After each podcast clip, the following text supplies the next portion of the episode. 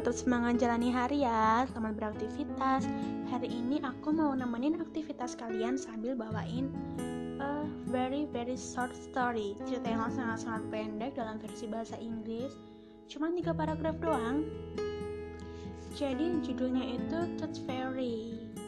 Cuman tiga paragraf aja. Aku mulai sekarang ya.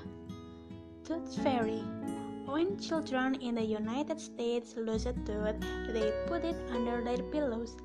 When they are asleep, a tooth fairy comes and takes their tooth and put money in this place. Some children get quarters, others get dollar bills. The tooth fairy is not real. The real, the real tooth fairy is the mother or father. They sneak in their child's room at night and put the money under the pillow.